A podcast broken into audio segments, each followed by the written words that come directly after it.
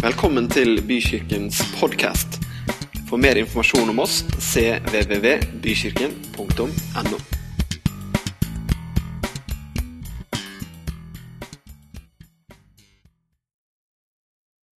Fint å være tilbake etter sommeren igjen, er det ikke det?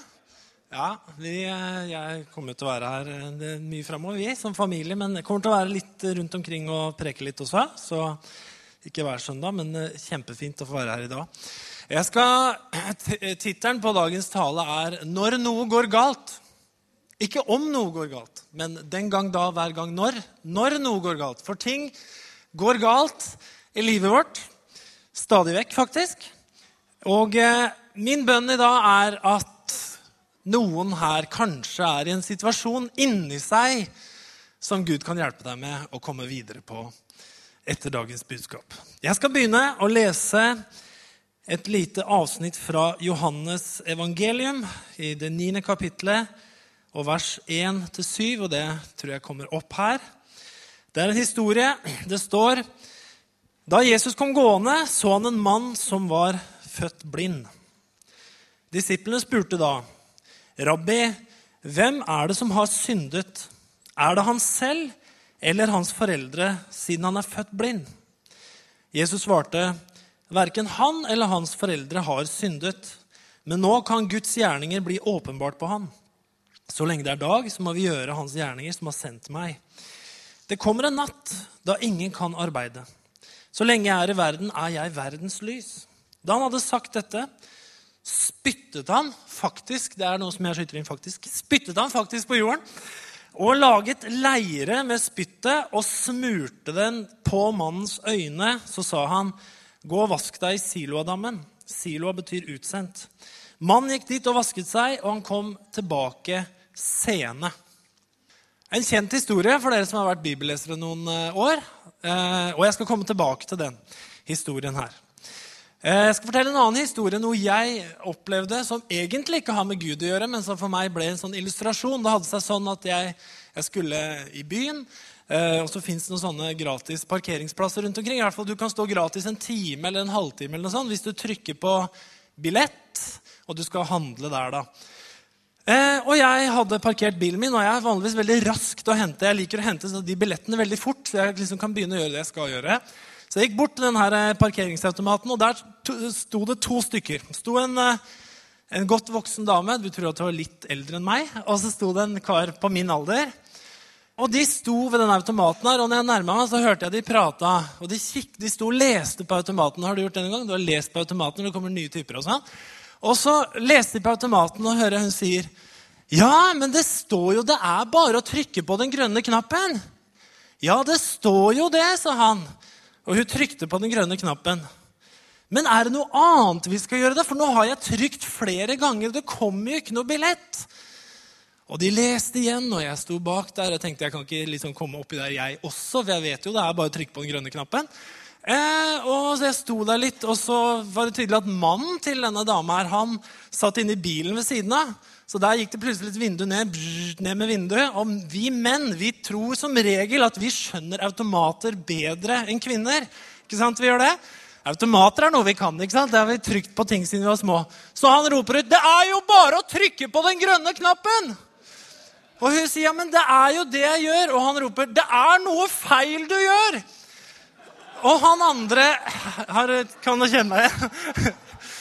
Og han andre som sto der, han ville jo ikke blande seg opp i deres ekteskap. liksom, Så han trakk seg litt sånn pent unna. Og så, så De hadde kommet til et punkt hvor de, de, den her, den virker jo ikke. Og det var da jeg også kjente at nå har jeg stått lenge nok her. Så nå føler jeg meg frimodig nok til å kikke bort, og så sier jeg det skal jo bare være å trykke på den grønne knappen.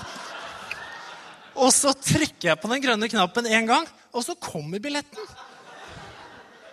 Den kom ut. Og alle bare Og han mannen inni bilen. Det var det jeg sa! Stakkars dame. Men hun, hun takka jo meg så mye, så hun fikk jo den billetten av meg. Og var glad. Og han andre han takka meg, og, og han trykte og fikk billett. Og jeg trykte en gang til, og jeg fikk billett, og så gikk jeg. Fantastisk. Amen, er det noen som sier. altså, Altså, og Da kommer spørsmålet var den, altså, De opplevde at jeg gjorde noe riktig. Jeg gjorde akkurat det samme som de gjorde. Jeg gjorde ikke noe mer riktig enn de de hadde gjort. De hadde gjort det riktige hele tida, men de fikk ikke ut billetten. Sannsynligvis var det da selvfølgelig en dårlig kontakt inni den automaten her. Så jeg var heldig, så akkurat når jeg trykte, så virka han. Jeg hadde ikke gjort noe mer riktig, men jeg ble jo den store vinneren her. da. Jeg fikk det til. Jeg fikk ut billetten, mens de, de hadde mislykkes på det her. Så livet det er ikke alltid rettferdig. Enkelte ganger så er det sånn at folk som gjør alt riktig, ja, de lykkes. Noen ganger så er det folk som gjør alt riktig, de såkalt mislykkes. De får ikke resultater selv om de ikke har gjort noe feil. De har gjort alt riktig, men det blir feil allikevel. Resultatene som man forventer seg, de kommer ikke. Og det er ikke alltid sånn at som vi sår, så får vi høste. Du vet, Det fins en lov kaller vi det ofte i Bibelen, som kalles loven om å så og høste. Det du sår her i livet, det får du også høste. Men det er ikke alltid sånn at bønder som sår Vi har en bonde her. Han vet det at noen ganger så kan det være et uår. Ja, men man kan jo ha gjort alt riktig. Men allikevel så får man ikke de resultatene man kunne forvente seg. Faktum er at jeg vet ikke om det er riktig å bruke ordet mislykka, men Gud Om han følte seg mislykka, men Gud selv opplever at han mislykkes i en av sine prosjekter her på jorda. Det har seg sånn at Gud for eh, lenge siden utvalgte seg et folk som Gud bestemte seg for Jeg må ta et folk ut blant menneskene. og så skal Ut fra det folket igjen så skal det komme en frelser som heter Jesus. Og det folket Gud valgte seg ut, det het Israel. Den som kjemper med Gud, betyr det. Og nå er det sånn at Gud hadde jo en intensjon, han hadde en plan med Israel. Israel skulle være hans utvalgte folk. Han skulle gi dem profeter, han skulle gi dem åpenbaring, han skulle fortelle dem hvem han var. Og så skulle Israel da bare følge etter Gud og gjøre det Gud hadde sagt at de skulle gjøre. Og så kom alt til å gå veldig bra. Men hva skjer? Det går ikke så veldig bra med det prosjektet Gud har starta. Det går ikke så veldig bra med Israel. De, de finner på alt mulig rart. Og hos profeten Jesaja, det i kapittel 5, så beskriver profeten noe av hvordan Gud opplever la oss kalle det, det prosjektet han har starta, som heter Israel. Og Da skriver profeten.: Jeg vil synge om min kjære venn. En sang om min venn, det er altså Gud, og hans vingård. En vingård hadde min kjære venn, med den feteste jorda. Det står faktisk det. Han hakket den opp og plukket ut stein og planta den fineste vin, altså de beste vinrankene. Og han bygde et vakttårn i midten og en vinpresse. Det hogg han også ut. Han forventa gode druer, men druene han fikk, var beske. Altså, de var sure. Og nå, dere som bor i Jerusalem, og dere mennesker i Juda, døm mellom meg og vingården min. Hva mer kunne gjøres med vingården min enn det jeg allerede hadde gjort? Hvorfor ventet jeg meg gode druer når druene jeg fikk, var beske? Jesaja 5, vers 1-4. Altså Her har du Gud. Gud sammenligner Israel med en vingård. Og han sier veldig tydelig at her har det ikke vært noe slurv. For det første så var det, det var den feteste jorda. Så den var næringsrik. Det var den beste jorda. Så forutsetningene var helt strålende. Det kunne ikke vært noe bedre jord. Den var helt i orden. Det står også at han har hakka og han har plukka stein. og Det forteller om at han var villig til å gjøre det her ubehagelige grovarbeidet som vi ikke liker å gjøre, men som må gjøres for at det skal bli et bra resultat. For du blir møkkete på hendene. Det er slitsomt. Han hadde plukka stein, de hadde hakka og rensa opp og gjort det klart. Så for å bare holde en høy kvalitet på alt sammen, så er liksom prikken over i-en det er å plante de beste vinrankene. Ikke noe sånn B-vare, ikke noe sånn på salg. Vi tar de beste som er, så planter jeg de vinrankene i denne jorda som er bra, og som er rensa. Det siste jeg gjør, er liksom for å sikre verdiene, for å følge med og overvåke hele tida at det ikke skjer noe galt, det er å sette et vakttårn i midten. Det var selvfølgelig for å passe på at dyr og andre ting som kunne komme og ødelegge, ikke skulle komme og gjøre noe ugagn i vingården. Det siste han gjør, det er å lage en vinpresse, sånn at alt var planlagt fra A til Å for å fullføre prosessen fra planting til ferdig vin. Hva er resultatet Gud opplever? Er det suksess? Har han lykkes? Nei. Han sier det eneste som kommer ut av den vingården, her, det er beske druer. Det går ikke an å lage vin av det. Altså det hele, hele prosjektet faller jo, faller jo i fisk. Hadde Gud gjort noe som fortjente å gi et dårlig resultat? Det hadde han ikke. Hadde den dama ved parkeringsautomaten gjort noe som liksom skulle tilsi at hun fortjente ikke å få ut billetten? Nei. Det var bare at eh, det blei ikke sant?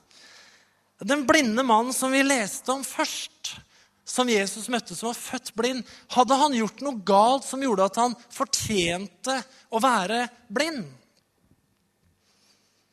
Eller hadde foreldrene til den blinde mannen gjort noe galt som førte til hans blindhet? Svaret på alle spørsmålene er nei, nei, nei og nei. De hadde ikke gjort noe galt, men livet ga dem allikevel ikke det resultatet de hadde håpa på. Svært ofte i livet så finnes det faktorer som er utafor vår egen rekkevidde, som avgjør om vi såkalt lykkes eller ikke. Om ting såkalt fungerer eller ikke. Det er ikke nødvendigvis sånn at skylda er din. Det er ikke nødvendigvis sånn at skylda er vår for at noe ikke er akkurat eller ble akkurat som vi hadde tenkt vi hadde fortjent.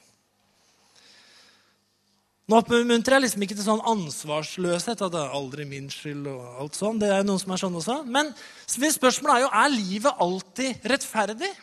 Gir livet alltid den avkastninga og de resultatene vi syns vi fortjener? Og svaret på det, det er nei.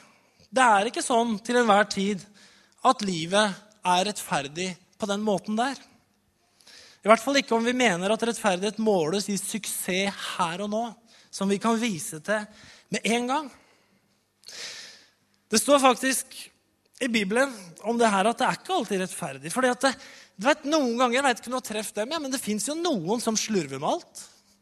Det er liksom ikke noe som er egentlig er helt på stell, og de gjør ting gærent, men det går bra likevel. De lykkes allikevel. Og Vi kan jo bli veldig frustrert noen ganger. Kanskje møter en sånn. Ja, verden, Åssen har han fått til det her? Han er surrehu der. Han bare roter rundt. og Plutselig har han tjent en million. liksom.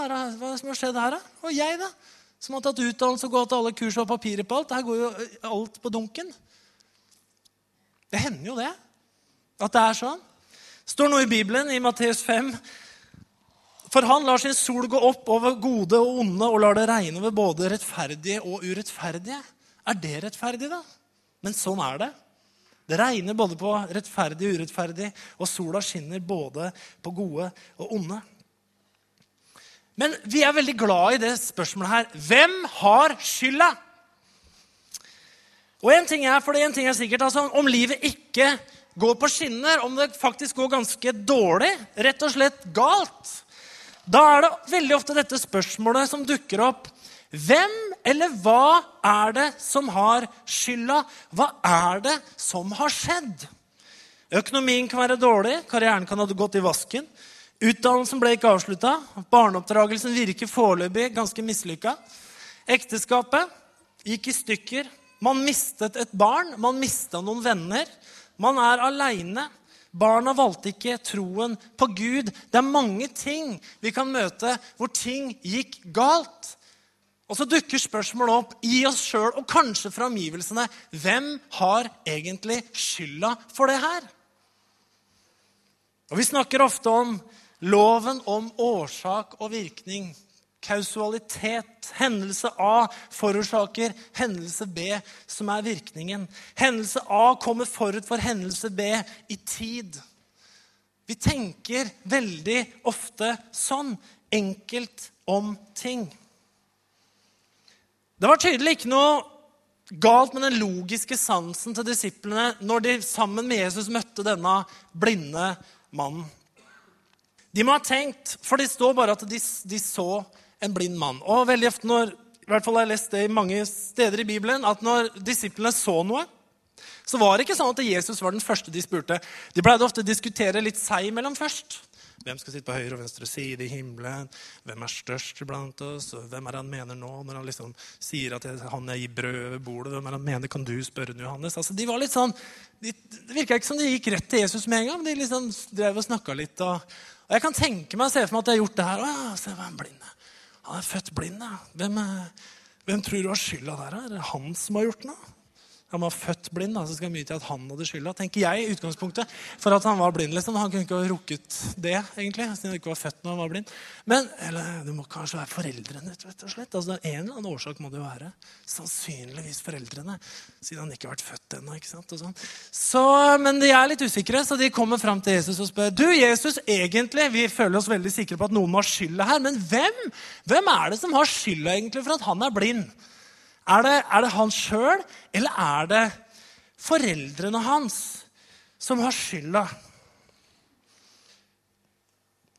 Og Jesus, han, eh, han svarer på det. Men jeg tenker det her også påvirker hvordan disiplene vil handle overfor denne mannen. Hvis Jesus svarer ja, det er foreldrene, da har kanskje disiplene gått fram og sagt du, vi bare si til deg, det er ikke din skyld at du er blind er viktig for oss å si at dette er, dette er foreldrene dine som har gjort det her. Det er de som har skyld i det. Så du må ikke gå og kjenne på det at her er du blind, og at du liksom har gjort noe feil og gærent. Nei, vi er glad i deg, for vi veit at det er ikke noe med deg å gjøre. Han, de, kanskje han ville kjent litt godt da, samtidig som det ville vært en aldri så liten spiret, en splittelse i familien, kanskje, overfor foreldrene. Altså, grunnen til at jeg sitter her i dag, det er foreldrene mine. Og det, det, er greit, jeg kan tilgi det, men eh, ja, allikevel. Det er foreldrene mine sin skyld. Men hvis Jesus hadde svart det er hans skyld Gud visste før han levde at han kom til å gjøre en del ting gærent. Så på forhånd, allerede liksom med en gang, så bare ordna Gud så han var blind.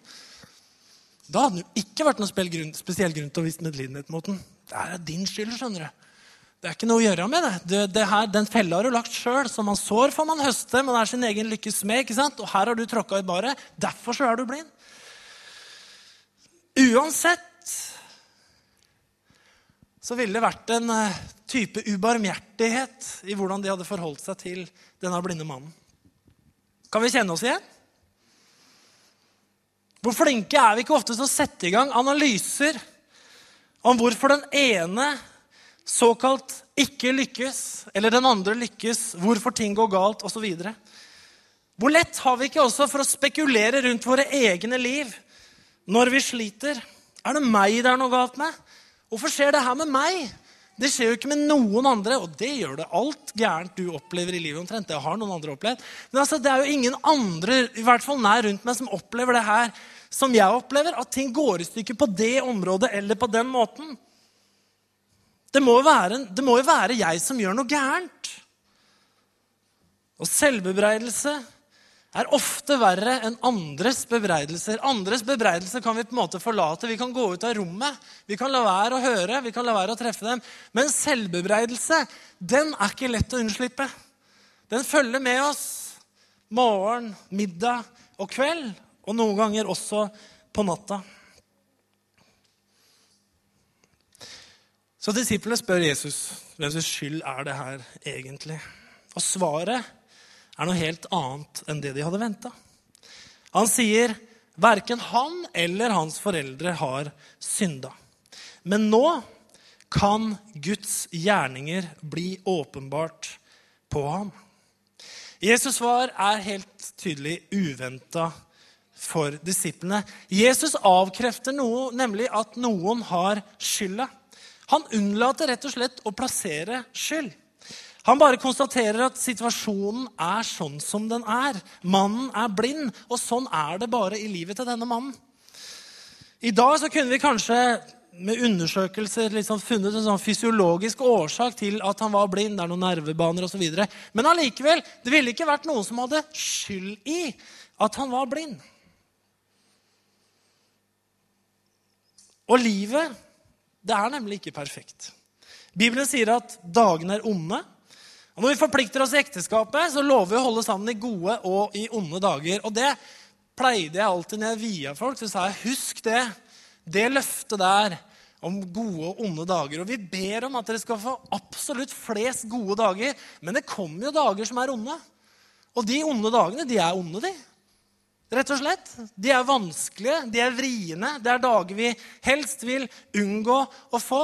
Men når noe skjer galt, så er det normalt. Det er ikke noe spesielt som skjer som ikke skulle skje. Vi må innse liksom ting her i livet, tenker jeg altså. At livet her på jorda kommer aldri til å bli fullkomment. Det kan være lange perioder når ting er veldig bra, men det vil, alltid, det vil, altså det vil aldri alltid være bare fantastisk å leve. Mangel og tap det er en sånn uunngåelig konsekvens av syndefallet. Til slutt så mister vi faktisk vårt eget liv. altså. Har du tenkt på det? Ja, men Til slutt så dør vi, alle mann mister livet vårt. Og da kan vi spørre hvem er det som har skylda for det, egentlig? Det er ingen som har skylda for det. Det er bare sånn det er å være menneske. At til slutt så dør vi. Det er livets natur. Ja vel, så skal vi resignere livet, da. Skal vi la liksom ulykker komme og elendighet skje? Skal vi ikke bry oss om vårt eget beste? Skal vi ikke så gode frø så vi kan høste gode ting? Og så videre? Selvfølgelig skal vi så det gode og gjøre det gode. Skal ikke miste det. Det fins en, en, årsakssammenheng i livet veldig mange ganger om å så, og høste osv. Men ikke alltid. Ikke alltid er det sånn. Men jeg tenker at om du er her i dag, så må vi ikke vi må ikke leve sånn angstfylt i forhold til å være anklagende overfor oss selv. Altså, det kan bli fryktelig begrensende og kjedelig å leve. Det blir litt sånn Man våger ingenting, for jeg er så redd for at jeg kan gjøre noe som kan bli gærent. Og det er vel noe av saken. Så lenge vi lever, så må vi risikere at noe av det vi gjør, vi med innfinne oss med at noe av det vi er og gjør, kommer til gå gærent noen ganger. Ja, det er litt som, som eh, med moderne lekeplasser. Mange av oss som sitter her, vi vokste opp med kreosot i lungene. holdt jeg på å si. Altså, vi, vi hadde lekeapparat med asfalt under. ikke sant? Huskestativene våre, sandkassene våre, det var laga sånne gamle telefonstolper fulle av kreosot og annen gift som, som eh, ikke et barn som blir født i dag, vet hva er engang. Vi hadde usikra husker, og vi, hadde, vi satt i midten i baksetet uten sikkerhetsbelte, klare til å bli eh, rikosjert ut gjennom vinduet hvis det ble bråbrems osv. Vi hadde ikke sykkelhjelm, og vi brakk armen innimellom. Men så har det blitt forandring. Og det var ei som heter Sandven ved Universitetet i Trondheim, som har gjort litt forskning på det her med, med ulykker og barn da, på lekeplasser. For nå er det jo sånn, du vet, de der myene har sånn myke matter under alle lekeapparatene, så det er umulig å slå seg når du faller ned. Forskning viser forresten det at hvis du har falt ned fra noenlunde høyde og samtidig overlevd selvfølgelig, som barn, så har du større sjanse for ikke å ha høydeskrekk når du passerer 18 år. Så det fins fordeler med å falle ned, fra litt høyde i hvert fall, som eh, liten. Men saken er at hun har gjort forskning hun fikk barn, og hun har gjort forskning på det med lekeplasser og risiko og det å unngå feil og skader og sånt noe. Og saken er det at eh, i dag som hun skriver, så finnes det haugevis av lekeplasser og lekeapparater som er kjempefine og kjempetrygge, men barna gidder ikke å leke i dem, for de er så kjedelige.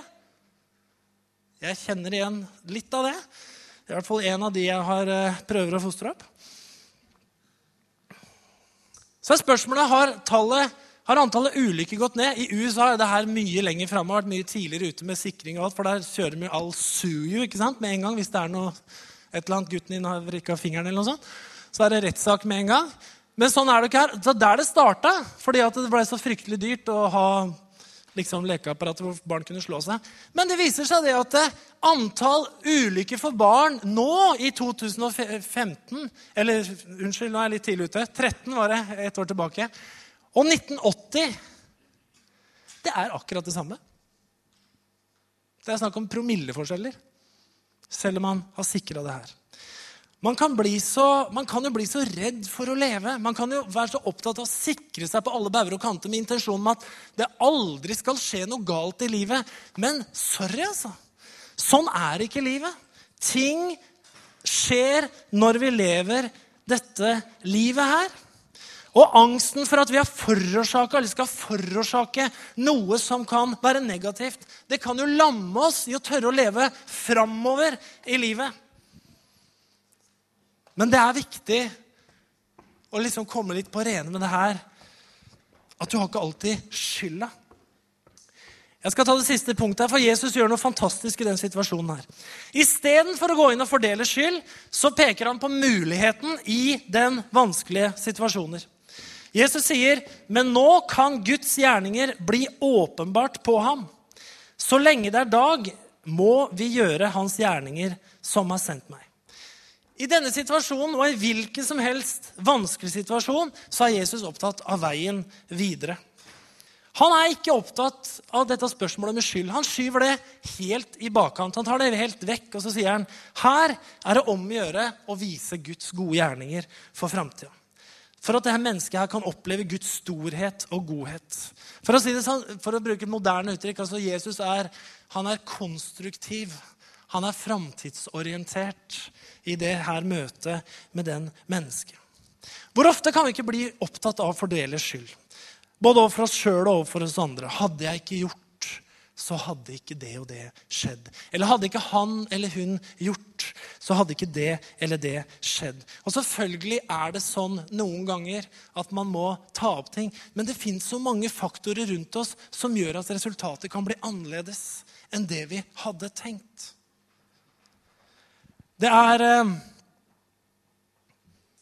viktig å si at vi kan komme innenfor Gud uten å være skyldbetynga. Det fins også noe som heter nåde. Om vi virkelig skulle være skyldige, så fins det noe som heter nåde. Men livet består også av tilfeldigheter som er utafor vår egen rekkevidde. Jeg leste intervju med Øystein Streisbetalen. Han er jo milliardær, så vidt jeg har skjønt. Han tjente sin første million på et år når han var 17 år gammel. Gjennom aksjer. Det er ganske tidlig. Årsaken var at det var to aksjer han hadde investert i og putta penger i.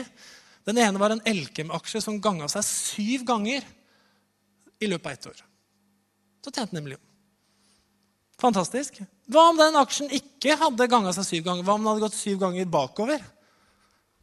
Så hadde han ikke fått den første millionen, kanskje tapt de pengene han hadde og hadde ikke noe å investere videre med. Nå er han sikkert kjempeflink, men det er noen ganger det er ting litt utafor vår rekkevidde som kan påvirke livet vårt utrolig kraftig.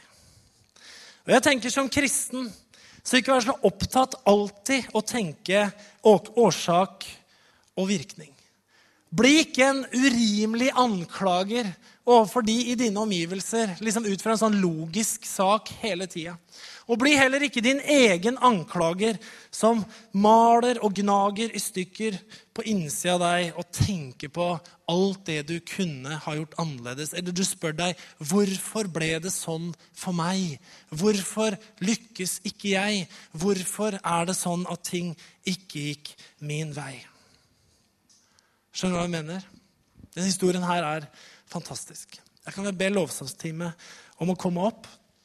Skal vi ta oss og be litt sammen? For jeg, jeg tror at vi så ofte stiller akkurat det samme spørsmålet som disiplene stilte den dagen. De så, de så, en dårlig situasjon, de så en vanskelig situasjon. Og de tenker med en gang hvem er det egentlig som har skylda for det her? Og Har man levd noen år, så er det sånn at det er sannsynligvis flere ting som ikke ser ut akkurat sånn som du skulle ønske det hadde sett ut i livet ditt. Og så tenker du hvem har skylda? Og Hvis du tar på deg skylda, så kan bli livet fryktelig tungt å leve. Herre, jeg takker deg for at du, du ser våre liv. Herre, vi takker deg for at du kjenner oss. Du kjenner våre liv, Herre. Og Jeg takker deg, Jesus Kristus, for at du ikke er opptatt av å fordele skyld, men at du er opptatt av å hjelpe oss framover. Du er opptatt av å frigjøre oss, Herre. Du er opptatt av å helbrede oss, osv. Jeg takker deg for det, Herre. Kan ikke du bare spille litt, Fredrik? Og skal vi... Mens du sitter der du sitter akkurat nå, så er jeg helt sikker på at du sitter her i salen, og kanskje, kanskje du tenker på noe veldig konkret akkurat nå. Akkurat nå så vi, skal vi bare ta oss og være litt aleine sammen med Gud, selv om vi er mange. Om du foretrekker å lukke øynene, så gjør du det. Men la oss ta litt tid og kjenne litt på hjertene våre. Kan det være at du i livet ditt har noe, hvor du har gått og fordelt skyld Det kan være din egen skyld, det kan være andres skyld, osv. Og, og det har liksom blitt det store fokuset. Og så kjenner du deg egentlig bare veldig knuga og mislykka. Du har ikke det å vise til som du burde hatt å vise til. Du har ikke det å fortelle andre som du gjerne ville fortalt. Og det kan være sånn at når folk stiller deg spørsmål om livet ditt, og kanskje visse områder av livet ditt, så er det, så er det noe som knyter seg inni deg. Du, du har ikke lyst til å snakke om det. Og det er reelt. Og sånn kan det være. Men det kan bli så fryktelig forsterka. Hvis ikke vi ser at noen ganger så er det som med hun dama på den automaten. Noen ganger så har du, du har trykt på den knappen du skulle trykke på. Du hadde lest bruksanvisningen på livet. Du hadde gjort ditt beste for at det her skulle gå bra. Og allikevel så gikk det ikke bra. Så kommer en annen, sånn som meg, som gjør akkurat det samme er ikke noe bedre, er ikke noe flinkere, er ikke noe smartere, har ikke vært noe mer fornuftig og får et bra resultat. Og da kan man tenke hva er det for noe gærent med meg, egentlig, som ikke fikk det til? Svaret er at det var ikke noe gærent med deg. Svaret er det at det var noe som var, det kan ha vært ting som har vært utafor din rekkevidde, som gjorde at ting tok en annen retning enn det det skulle. Og da er Jesus opptatt av at Guds gjerning kan bli åpenbart på deg. For så lenge det er da, så må vi gjøre hans gjerninger som har sendt oss. Så Herre, vi ønsker å ta bare en liten, kort stund akkurat der vi sitter nå. Og løfte livet våre fram for deg. Herre, om det har vært økonomien vår, om det har vært karrieren vår, om det gjelder barna våre eller ekteskapet vårt.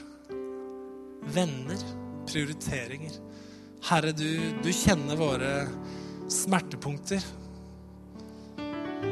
Og du kjenner de situasjonene hvor vi lurer veldig på hva som egentlig gikk gærent. Herre, takk for at du kommer til oss nå og hjelper oss å gå videre. Herre, befri oss fra den type skam som vi ikke skal ha. Takk for at du i Jesu navn befrir mennesker fra selvbebreidelse de ikke skal bære akkurat nå, Herre. Og takk at uansett så er din nåde større enn alle ting, Herre. Takk for du er den som tilgir oss alle våre synder, om så måtte være, og viser oss veien videre. Ta Gi det til Herren der du sitter nå. Ta Gi situasjonen til Herren. Og bestem deg for å ikke lenger klandre deg sjøl. Hvem sin skyld var det? Var det din, eller var det hansis? Eller hennes? I Jesu navn, gå videre.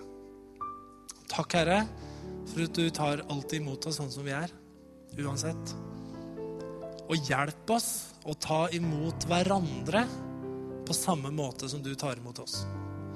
Hjelp oss, Herre, til ikke alltid å falle inn i logikk og skyldfordeling og analyse på alle ting. Det er ikke alt som går opp. Hjelp oss å vise nåde overfor hverandre, og hjelp oss å befri hverandre til å gå videre i livet. I Jesu navn. Amen. Jeg avslutter med det, og så skal vi tilbe Herren sammen. Skal vi ikke det?